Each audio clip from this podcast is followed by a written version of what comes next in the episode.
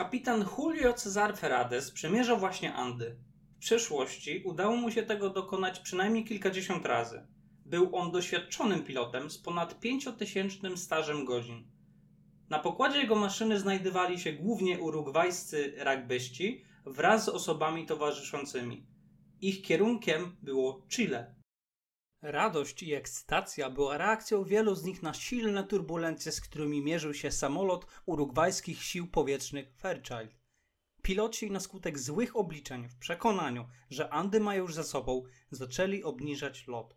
Oczom pasażerów ukazały się kilkanaście metrów od okien skaliste wierzchołki gór. Nie wiedzieli, że za chwilę rozpocznie się dla nich ogromna gehenna.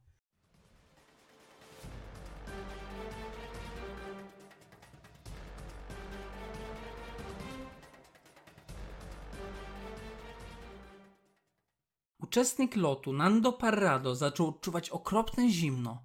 Poczuł również silny ból głowy. Dookoła niego rozlegały się różne głosy, lecz było w nich coś niepokojącego. Wtedy usłyszał: Hej, słyszysz mnie? Wszystko w porządku? Twarz innego uczestnika nabrała ostrości, lecz była w niej twardość i dzikość. Osobnik tym razem krzyknął: Hej, Nando, obudź się! Półprzytomny Nando próbował się odezwać, lecz wydobył z siebie jedynie cichy szept. Kolejna osoba nachyliła się nad nim i powiedziała: Rozbiliśmy się, samolot spadł w górach. Po kilku godzinach półświadomości zmysły Nanda zaczęły ze sobą współgrać. Kształty samolotu zaczęły łączyć się z obrazem, jaki ostatnio zapamiętał, lecz po chwili wszystko zaczęło wydawać się nie w porządku. Kadłub przedtoczony był na bok, brakowało wielu siedzeń, poszarpane rury i izolacje wisiały z pokruszonych ścian. Kawałki metalu, plastiku i szkła były porozrzucane wskutek katastrofy.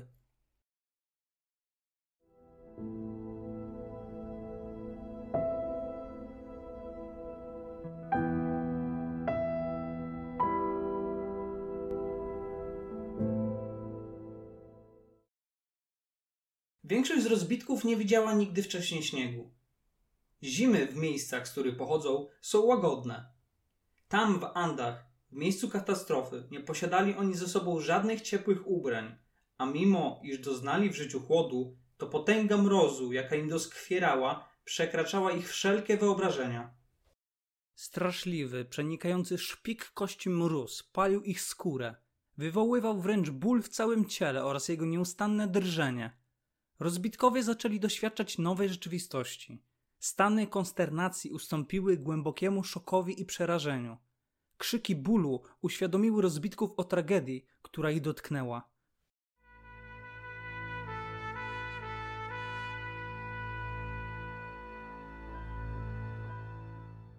Piątek 13 października był dniem wylotu Urugwajczyków.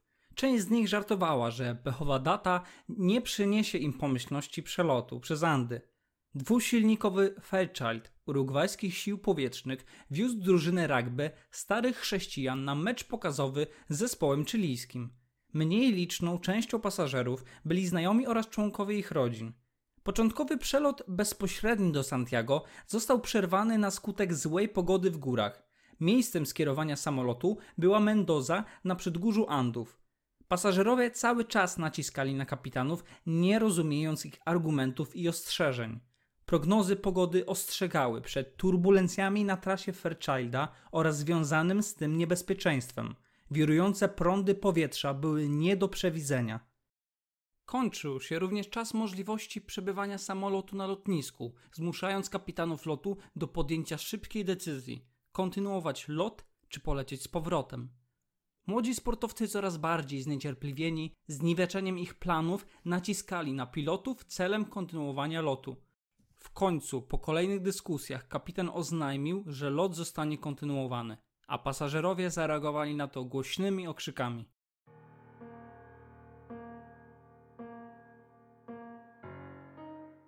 Już niebawem na zachodnim horyzoncie samolotu wznosiły się argentyńskie Andy. Ogromne i rozległe, jak okiem sięgnąć góry, wywoływały wśród uczestników niemałe poruszenie. Czarne granie i masywne wybrzuszenia ciągnęły się kilometrami w wielu kierunkach. Urugwajczycy w szkole uczyli się, że Andy to najdłuższy łańcuch górski świata, biegnący wzdłuż Ameryki Południowej od Wenezueli na północy po ziemię ognistą na południowym krańcu kontynentu. Andy ustępują wysokością tylko najwyższym na planecie Himalajom. Kierunek lotu Santiago leży na zachód od Mendozy, ale rejon Andów oddzielający te dwa miasta to jeden z najwyższych odcinków całego łańcucha. Szczyty wznoszące się na tym odcinku należą do najwyższych na naszym globie. Jeden z nich, Aconcagua, liczy blisko 7000 metrów nad poziom morza. Z tak wysokimi szczytami na drodze Fairchild z maksymalnym pułapem 7,5 km nie mógł obrać bezpośredniego kursu na Santiago. Piloci obrali więc kierunek na wąski korytarz gór z niższymi grzbietami, aby móc przelecieć do celu.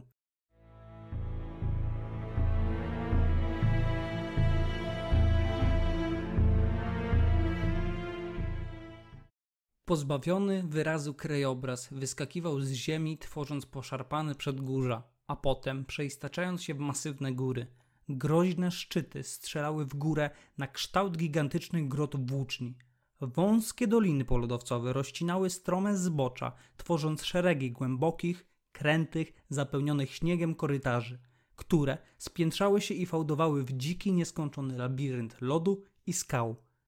Była zima, Pora, gdy w Andach temperatura powietrza regularnie spada do minus 35 stopni Celsjusza. Powietrze jest tam suche jak na pustyni. Lawiny i śnieżyce są na porządku dziennym. Oczom rozbitków ukazał się surowy widok braku formy życia. Tylko skały, śnieg i lód. Nando Parrado, Widząc ten dziki majestat, roześmiał się z arogancji każdego, kto sądzi, że człowiek opanował ziemię.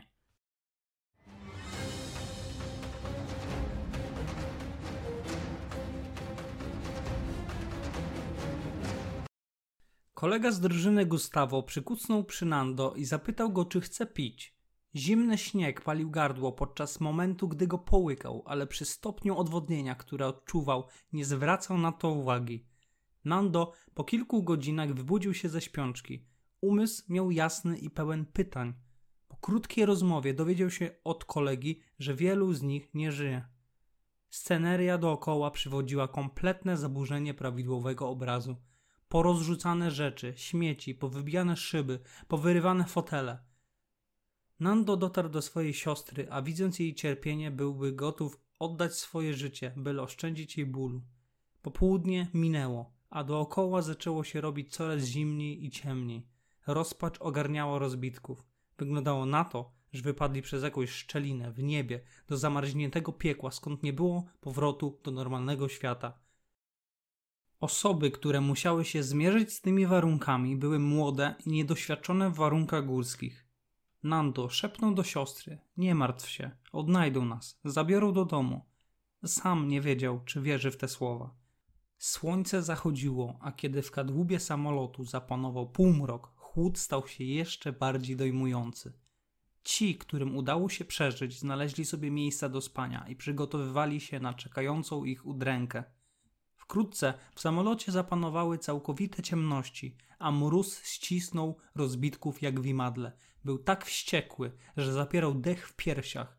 Miał w sobie coś przerażającego – Czas sprawiał wrażenie, jakby zamarł. Godziny się wlekły, a do kadłuba przez dziury wpadł straszliwy ziąb, powodując u rozbitków dreszcze i katusze. Każdy moment stanowił dla nich piekło. Warunki panujące w miejscu katastrofy wskazują na to, że nie są w stanie przetrwać tam żadne formy życia. A więc, jakie były losy rozbitków? Tego dowiecie się w kolejnych częściach. Zapraszam, a dzisiaj dziękuję za uwagę i zapraszam do subskrybowania kanałów i polubienia profilu na Facebooku. Do usłyszenia.